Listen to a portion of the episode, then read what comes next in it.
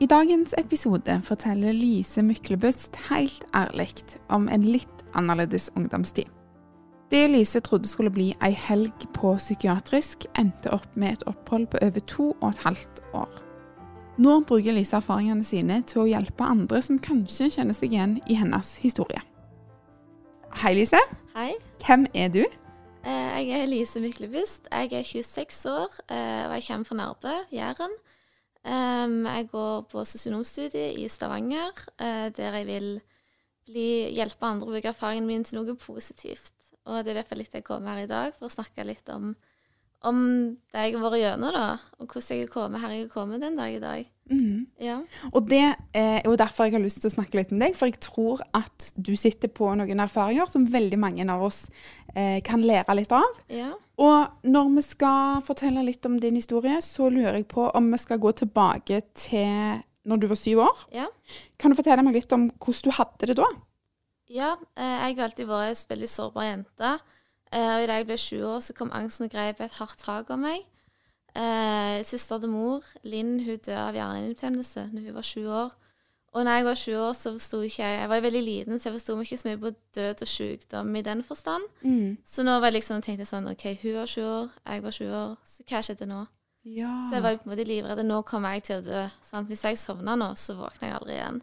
Nei, for dette, du forsto kanskje ikke død og liv og sånt? Nei, sånn sykdom, det var på en måte ikke innenfor mitt kunnskap. Sant? Så jeg trodde liksom når jeg blir 20 år, da dør jeg. Ja, sant vel. ja. Så det begynte jo med veldig mye dødsangst. Eh, Jeg sov i midten av trappa hver kveld, for jeg nekta å sove. Eh, Snei meg på rommet og holdt øynene oppe så lenge jeg klarte, til jeg ikke klarte mer da. Men så begynte jeg på en måte raskt å kompensere for den angsten, som vil si da at jeg utvikla tvangstanker og tvangshandlinger, også kalt OCD, da. Jeg kan få tanke om at det ligger noen under senga mi skal drepe meg når jeg sover. Mm. Og da var liksom tvangshandlingen da at jeg måtte se under senga, oppå senga, og gjøre det så og så mange ganger for at det ikke skulle ligge noe der, liksom. Ja. Jeg kunne ikke trå på streker, jeg måtte symmetri rundt meg, hadde fulgt av rutiner, ritualer som utvikla seg over år, riktignok, da. Mm. For det ble jo på en måte bare mer og mer, sant. Men så var jeg jo en- også en mester til å skjule det. Ja, for visste de rundt deg, foreldrene dine, eh, at du, at du tenkte at noen skulle drepe deg eh, mens du sov? Eh, mor visste at jeg hadde dødsangst, det gjorde hun. Jeg eh, klarte faktisk å si det til mor, eller hun merka det jo ganske kjapt at jeg ikke sov. Mm. Så hun sa det til Elise, du, du kan sove. Så jeg sov inne på rommet med hun i mange uker og måneder, for jeg var så redd for å sove. Så hun, hun visste om det, men jeg begynte på en måte å kompensere, sant, så begynte jeg å bli mer lukka. Da slutta jeg på en måte å snakke med folk, og jeg var veldig sånn Folk spurte meg jo ofte sånn 'Hvordan går det?' 'Nei, det går fint'. Ja. Sånn, Det var liksom typisk meg at det, det går fint, det går fint. Bare sånn, det var nok det jeg sa mest. Det går fint, unnskyld. Mm. Jeg var veldig sånn forsiktig jente som liten, da. Veldig sånn sjenert og Ja. Jeg syns det var litt interessant det du sa om eh, det at noen ligger under senga. Fordi at jeg lurer på om du kan fortelle litt mer om hva forskjellen på en tvangstanke er og vanlige tanker. For Ja. jeg kan fort òg tenke nå står det noen ut forbi og skal ta meg når jeg sover. Mm, Og kan bli litt sånn mørkredd. ja. Men, men hva er det som gjør tvangstanker til tvangstanker? Det er et godt spørsmål. For det er at alle har, spesielt unger, Mm. har tvangstanker. Eh, det er helt normalt. Alle kan tenke på det. 'Å, jeg tok av kaffen. Jeg skrudde av ovnen.' Ja. Så må de gå og sjekke, og så er de kjekt. 'Å nei, nå må jeg sjekke igjen.' Sånn. Veldig vanlig. Ja. um, så det er jo noen vanlige ting, men jeg tenker når det blir Altså, det var jo ikke bare under senga jeg måtte sjekke. Jeg måtte sjekke i hver ei skuffe. For plutselig lå det en tryllekunstner der. Sånn. Det visste jo aldri. Sånn. Mm. Altså, jeg sjekket skuffen, jeg sjekket alle krinkelkroker, så måtte jeg gjøre det så og så mange ganger hver kveld. Um, og at det hindra meg i å på en måte reise på folk, besøke folk og sove der. Da måtte jeg eventuelt vente til de hadde sovna, før jeg kunne gjøre alle disse tingene. da. Sant? Så det, det begynte jo som mer mildt, for å si det sånn, men så balte det jo mer og mer på seg, mm. på en måte. Det høres jo egentlig veldig travelt ut Mm, å ha det sånn. Ja, ja det var egentlig det. Ja, veldig slitsomt. ja. Hvordan, hvordan utvikler dette seg? Jeg tenker utover barneskolen og ungdomsskolen, mens du på en måte ble litt sånn ungdom. Mm. Hvordan, hvordan baller dette på seg? Um, jeg var jo veldig sånn flink pike, så når jeg begynte på ungdomsskolen, så begynte vi med karakterer. Ble veldig mye press der. Jeg leste jo og skulle bare ha toppkarakterer. Men på sida av angsten så har jeg hele livet mitt slitt med sjølbildet. Jeg har hatt en sånn forakt til meg sjøl. Når jeg på en måte var sju år, jeg tror det var eller åtte år, så sto jeg framfor speilet og grein fordi buksa ikke passet lenger. Mm. Selvfølgelig passer jo ikke, jeg var jo et barn i utvikling. Ja, selvfølgelig skal du vokse. jeg skulle jo vokse, men jeg hata det faktum at jeg ble større. Ja. Så i perioder så åt jeg mindre. Prøvde på en måte å sånn, droppe litt måltid og sånn, uten at det på en måte var noe stort akkurat der og da, men hadde veldig frakt til meg sjøl og sleit veldig med å se meg sjøl i speilen og trodde alle lo av meg fordi jeg følte meg så stor, og så var jeg jo egentlig ikke det. Eh, men jeg da begynte ungdomsskolen, karakterer, angsten, gikk til helsesøster jeg da lærte at det, det var faktisk noe som heter angst. ja. Det var noe som heter tvangstanker. Så da gikk jo jeg til, til helsesøster, og hun sendte meg til sosionom, og de tok meg jo veldig på alvor. Eh, så når jeg da på en måte Det ble så mye for meg at jeg på en måte, Jeg ville jo bare ha noen råd. Jeg ville på en måte ikke De tok meg så veldig på alvor, for å si det sånn, da. ja. Så når jeg da fikk hjelp for angsten, så klarte ikke jeg å takle det helt, så gjorde det at jeg begynte å spise mindre igjen. Ja, for det fram til nå så hadde det på en måte vært ditt. Sant? Mm. Du hadde hatt angsten for deg sjøl og tvangstanker for deg sjøl, og det har liksom vært ditt, og så plutselig kommer det en haug med folk som skal blande seg opp i dette. Ja, for tanken min var jo bare OK, du må gjøre sånn og sånn, og så går det fint. De sendte meg jo til BUP, eller en henvisning. Det tok jo lang tid før den kom, eller Mm. kunne komme. Men Så det var jo på en måte veldig mye Når de tok meg som alvor, så hadde jeg veldig mye angst, veldig mye sjølforakt. Så det ble bare for mye for meg å håndtere samtidig som jeg skulle ha toppkarakterer hele veien, og så med lekser, håndballtrening fem dager i uka. Mm. Så det var stressnivået var så høyt at da begynte jeg å spise mindre, og da raste jeg jo rett ned i vekt, som gjorde til at det ble en hastetime på BUP. Eh, grunnen til at det ble en henvisning til hastetime, var jo maten. Mm. Jeg var jo veldig undervektige, um, så de, det ble jo ingen andre time. For de sendte meg til legen, og legen sendte meg til sykehuset. Ja. Så på sykehuset sa de jeg var død nær, og jeg var jo litt sånn Hæ? De sa det var snakk om dager, knapt uke før kroppen min ikke vil takle mer. Og da var jeg sånn Ja, men jeg føler jo jeg ikke går til helsesøster. Så jeg ble litt sånn Hæ? ja. Da var jeg på somatisk i tre dager, tror jeg det var. Mm. Før jeg fikk litt væske og sånn. Og så ble jeg sendt ned til psykiatrisk. Mm. Og der husker jeg jeg grein jo så mye, for det, jeg orka liksom ikke tankene være Det jeg trodde da var ei helg på psykiatrisk. ja. Så viste det seg jo til at det var ble det to og et halvt år.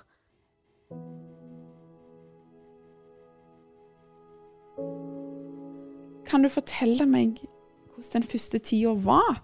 Hvordan er det?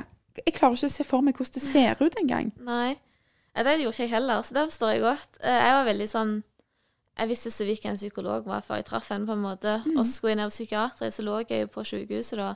Var sånn, Hæ, hvordan er det? Sånn. Jeg tenkte liksom, ligger du i seng? Er det, går du med hvite klær? Har du fjernsyn på rommet? Kanskje gardin mellom to personer? Sånn. Jeg Sånn som på en vanlig sykehusavdeling. Ja, Jeg hadde ingen anelse om hvordan det kom til å se ut. Så jeg var veldig sånn Hva er dette? Så ble jeg jo kjørt ned i rullestol. Jeg bare sånn gjennom ganger. Jeg bare, Hva er dette? For jeg ble jo litt redd, vet du. Ja. så kommer jeg der, så var det jo veldig sånn Hva skal jeg si, alminnelig. Det var jo på en måte ei stove, så var det rom til hver pasient med seng, skap, nattbord og sånn, så det var jo veldig vanlig. Det var ikke det skulle vært mitt Ikke helt det, men så det skulle vært mitt rom, på en måte. Mm. Så ja.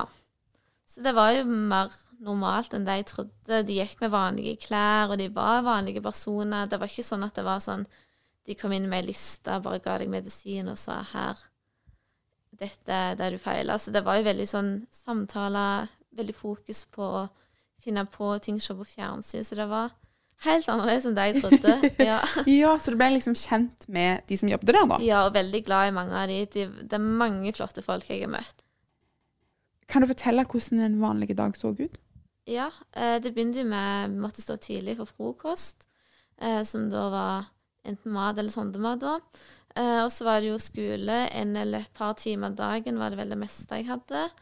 Og så var det måltid igjen. Og så det, det var veldig forskjellig egentlig på hvilken avdeling jeg var på. For når jeg var på barnesyk, så var de veldig flinke til å måte aktivisere meg. Så jeg strikket jo litt i begynnelsen og så på fjernsyn. Men etter hvert så jeg ble veldig mye verre, da, så klarte jeg ikke dette.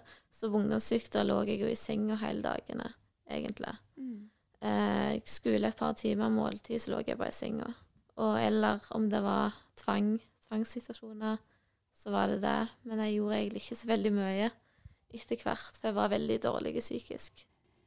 Um, du sa at du står opp og skal ha frokost, eh, men du hadde sonde. Ja.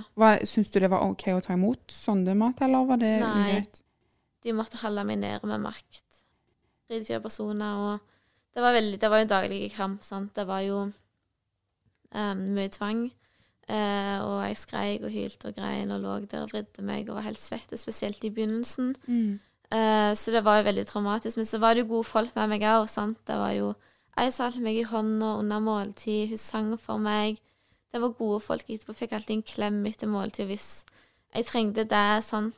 Så det var, de var veldig flinke å håndtere det i de situasjonene, på tross at det var veldig traumatisk, da.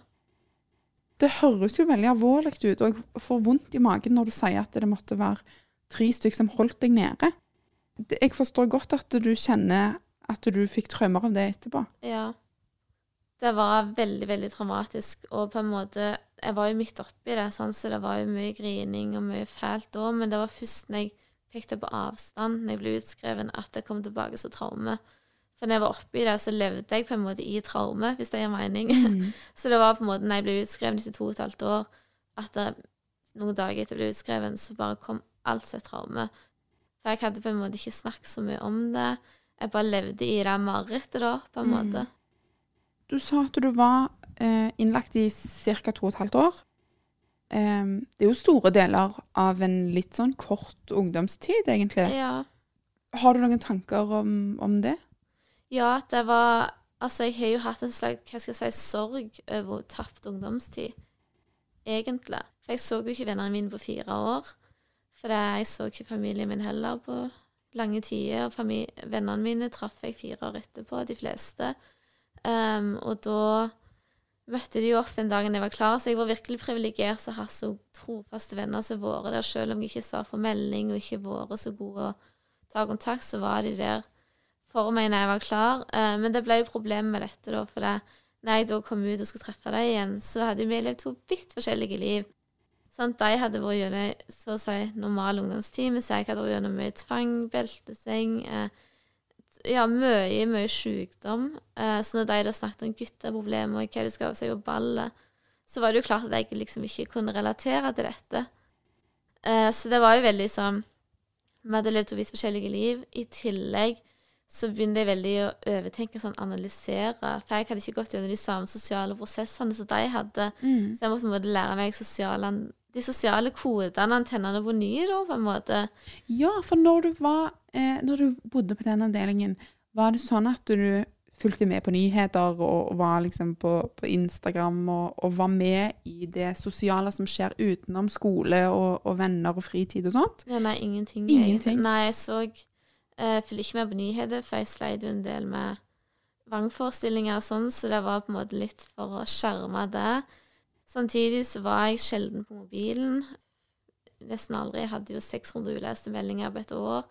Så jeg på en måte jeg var veldig lite på mobilen, var veldig lite kontakt med omverdenen. Fikk Men det som hjalp, var at jeg fikk veldig mye sånn hilsener fra mor og far. For mor og far var det eneste jeg så, så de tok jo med sånn Å, jeg traff hun på butikken, jeg skal hilse så mye. Så jeg ble på en måte drevet av de rundt meg, selv om jeg ikke traff de. Ja. Det var liksom de som var motivasjonen, at jeg hadde noe å komme tilbake til og kjempe for, da. Så jeg hadde jo liksom et ark skrevet opp på veggen på psykiatrisk, sånn venner, de jeg var glad i, på en måte hva skal jeg kjempe for, liksom.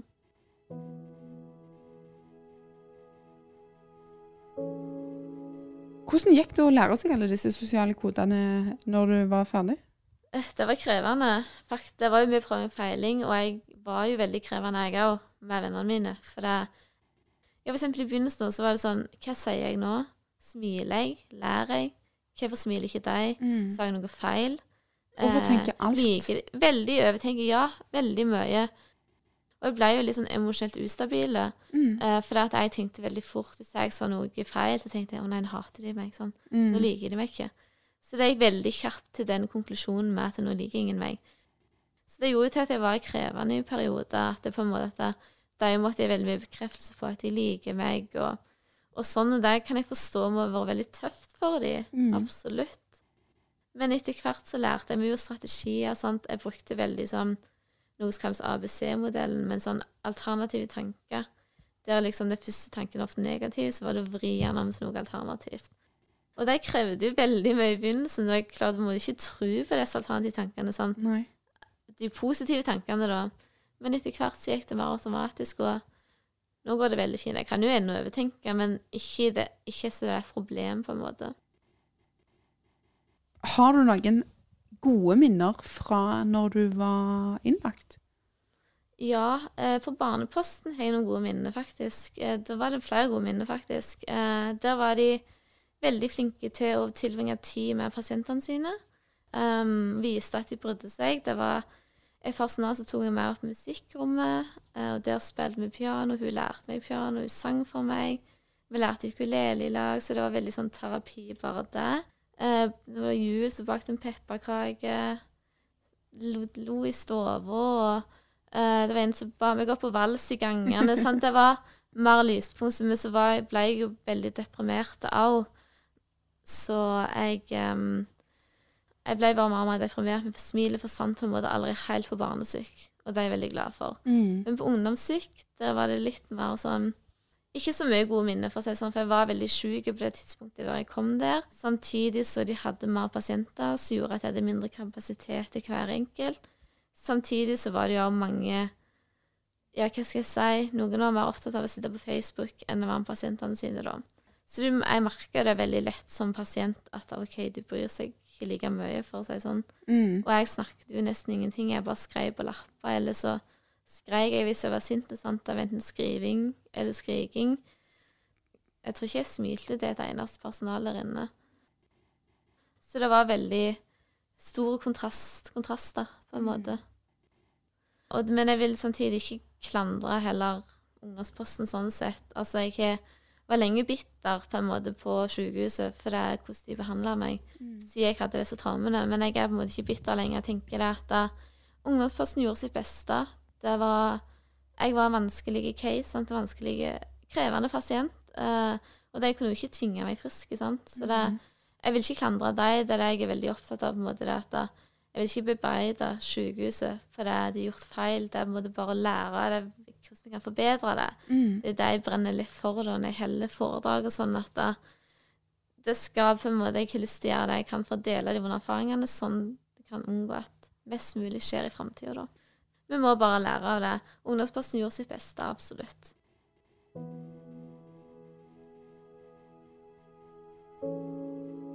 Når du forteller om dette, så syns jeg at det er vanskelig å se det for seg. For at eh, når jeg ser på deg og snakker med deg, så har vi øyekontakt, og du smiler, og du ser så fresh ut. Og jeg kan ikke se for meg at du nekter å snakke eller nekter å smile. Eh, så, så du har jo blitt bedre og friske. absolutt. Ja. Hvordan skjedde dette? Det var jo en lang prosess, sant. Um, det begynte jo Altså, når jeg var på sykehuset, så var jeg jo veldig lite motivert til å bli frisk fordi jeg var så fanga av sykdommen. Så de kunne jo sitte på en måte en eller halvannen time bare for å få meg ut i gangen i stua og så rett inn igjen. Så det var veldig sånn veld, Krevde veldig mye motivasjon for å få meg med på ting. Så mor og far var jo en drivkraft i dette. da. De var jo besøk som meg hver dag og var veldig sånn så gjentatte ganger bare sa hva jeg må kjempe for, hvorfor, og prøve å motivere meg til beste evne. Men så kom jeg jo til et punkt for når jeg da ble utskrevet fra sykehuset, så begynte jeg å gå ned i vekt igjen, for nå kunne jeg endelig bestemme sjøl, liksom. Ja. Så jeg havna jo raskt tilbake eh, til det, og da, sånn levde jeg jo det der marerittet bare nå utskreven da, i lange tider. Eh, Og jeg innså da at da, dette ikke er et liv jeg vil leve. Sant? Jeg hadde det jo helt forferdelig. Så jeg kom til et punkt der jeg ble veldig sånn Sånn som dette vil ikke jeg leve. At dette er ikke sånn jeg vil livet mitt skal være.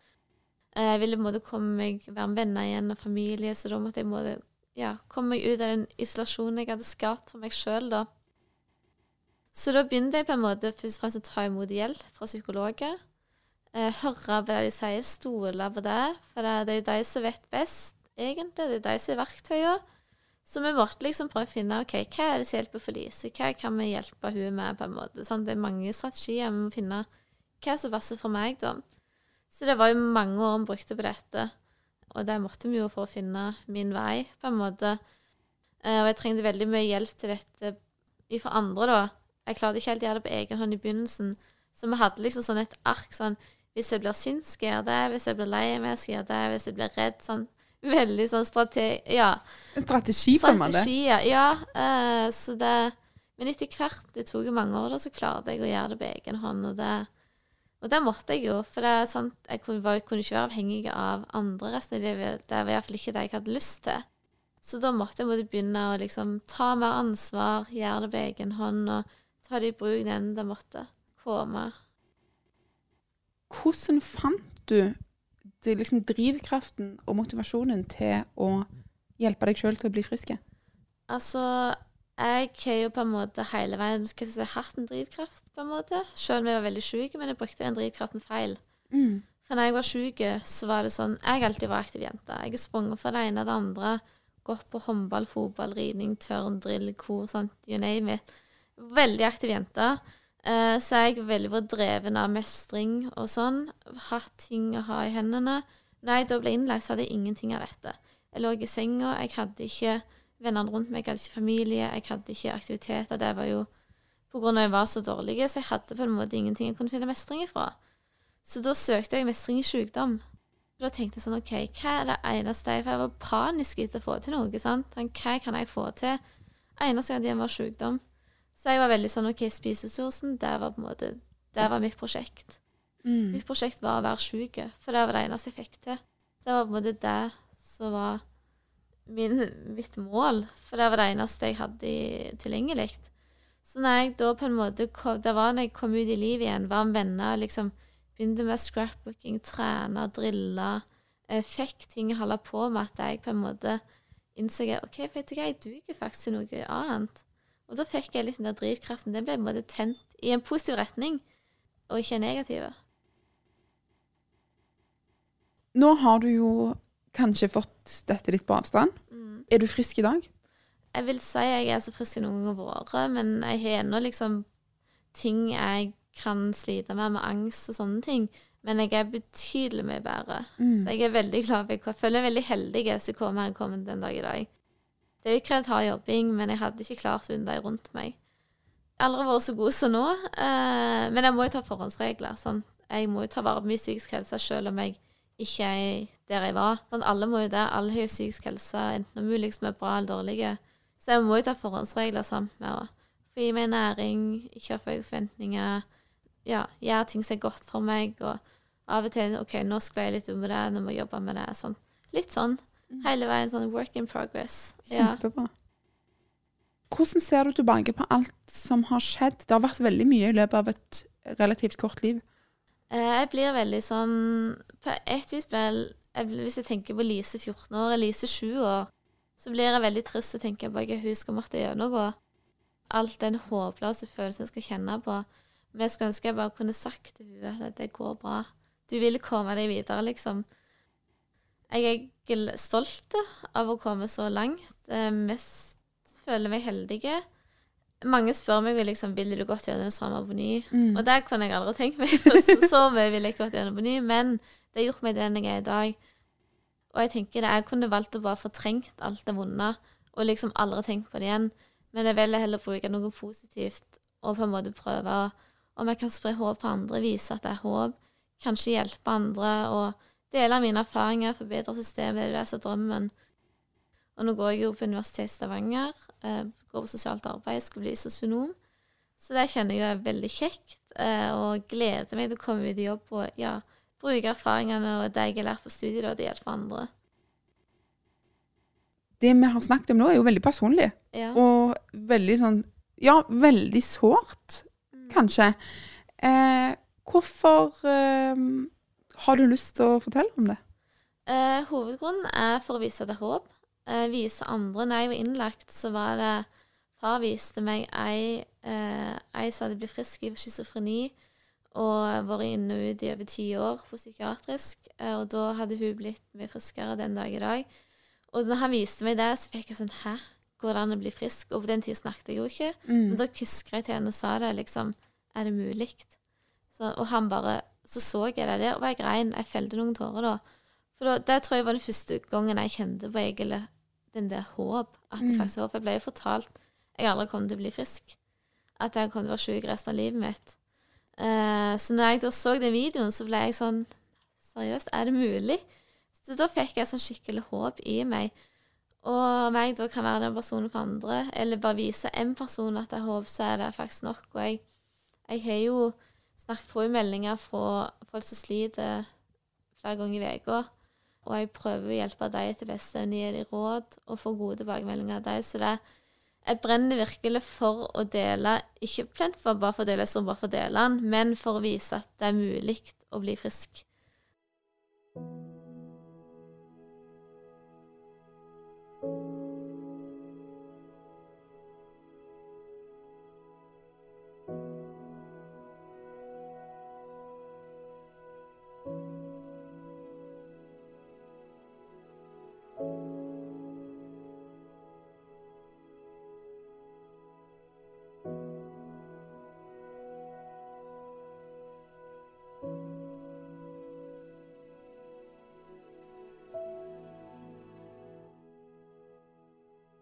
Har du et enkeltpersonforetak eller en liten bedrift? Da er du sikkert lei av å høre meg snakke om hvor enkelt det er med kvitteringer og bilag i fiken, så vi eh, gir oss her, vi. Fordi vi liker enkelt. Fiken superenkelt regnskap.